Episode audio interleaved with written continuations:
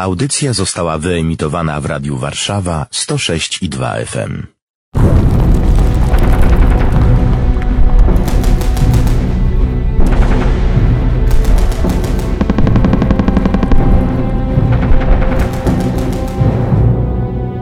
Warszawa pamięta!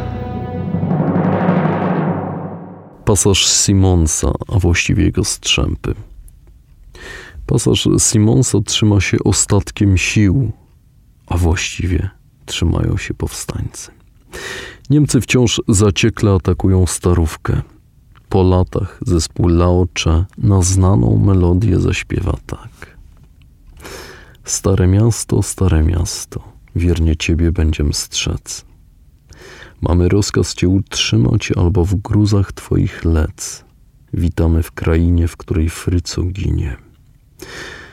Stare miasto, stare miasto, wiernie ciebie będziem strzec. Mamy rozkaz cię utrzymać albo w gruzach twoich lec. Halinka, sanitariuszka, jaka gitara dziewuszka. Stare miasto, stare miasto, wiernie ciebie będziem strzec. Mamy rozkaz cię utrzymać, albo w gruzach twoich lec. Trumna to luksus, zupa na gwoździu też luksus. Zwracam się do doktora Bartosza Łukaszewskiego, socjologa, badacza powstania warszawskiego. To słynna płyta Laocze, Powstanie Warszawskie. Chyba jeden z najmocniejszych i najbardziej przejmujących muzycznych hołdów dla bohaterów i zarazem ofiar sierpnia i września 1944 roku.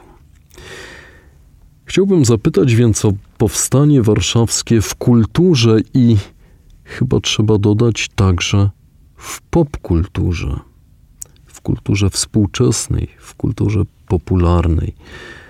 Jak to robić, żeby nie grać kartą powstania na użytek własny, nie promować się na tych tragicznych dniach, nie odcinać kuponów, nie uprawiać komercji, a rzeczywiście tak szczerze promować, robić to godnie. Oczywiście czasem jest to nieweryfikowalne, ale, ale może ma Pan jakieś wskazówki albo jeszcze lepiej e, dobre przykłady. Przede wszystkim warto nadmienić, że jest obecne. Jest obecne w kulturze współczesnej, jest obecne w kulturze masowej, jest obecne w przekazach subkulturowych i to jest rzecz kluczowa. Nie ma niczego gorszego od braku obecności, od obojętności. Zmarł 11 dni temu major Julian Eugeniusz Kulski, pseudonim Goliat, z 9 Kompanii Dywersyjnej Zgrupowania Żniwiarz, a zatem tego oddziału, który o godzinie 14 właściwie rozpoczął walki powstańcze 1 sierpnia, stwierdzał: Od powstania warszawskiego minęło ponad 70 lat. Ktokolwiek krytykuje podjęcie walki, a nie przeżył pięciu lat okupacji, powinien być cicho. Przez te pięć lat byliśmy przygotowywani na powstanie. O tym, by nie podjąć walki, nie było nawet mowy. Współczesne przekazy popularno-naukowe, jak i te powstające na polu masowej kultury, mogą w prosty sposób ulec dwóm pułapkom.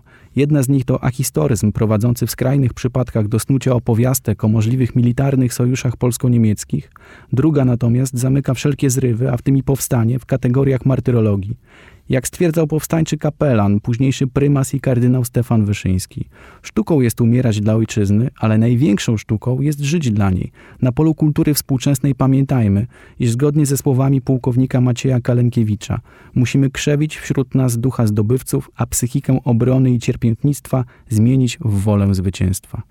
Bardzo dziękuję, ale w tej wypowiedzi właśnie zarysowują się różne idee dochodzenia do niepodległości, do autonomii, do, do godności. Mam wrażenie, właśnie ta idea walki zbrojnej i idea takiej pracy u podstaw. Tu można by się odnieść oczywiście do wielkich tradycji wyrastających gdzieś z XIX wieku, ale także do pomysłów zarówno PPS, jak i Jendecji. W kontekście powstania warszawskiego należy stwierdzić, również jeśli chodzi o wspólną walkę oddziałów wywodzących się z PPS, a w czasie powstania PPS WRN i NOW, później NSZ, możemy mówić właśnie o tym, że była to ogromna praca u podstaw, ogromna praca organiczna. W kontekście społecznym powstanie było jednolite, jeśli chodzi o wolę, jeśli chodzi o wspólne działanie. Stąd też możemy powiedzieć, że było specyficznym bardzo, tragicznym w swojej wymowie, ale jednak połączeniem obu tradycji, romantycznej i pozytywistycznej. Bardzo panu dziękuję. Zadanie publiczne jest współfinansowane ze środków otrzymanych od Ministra Obrony Narodowej.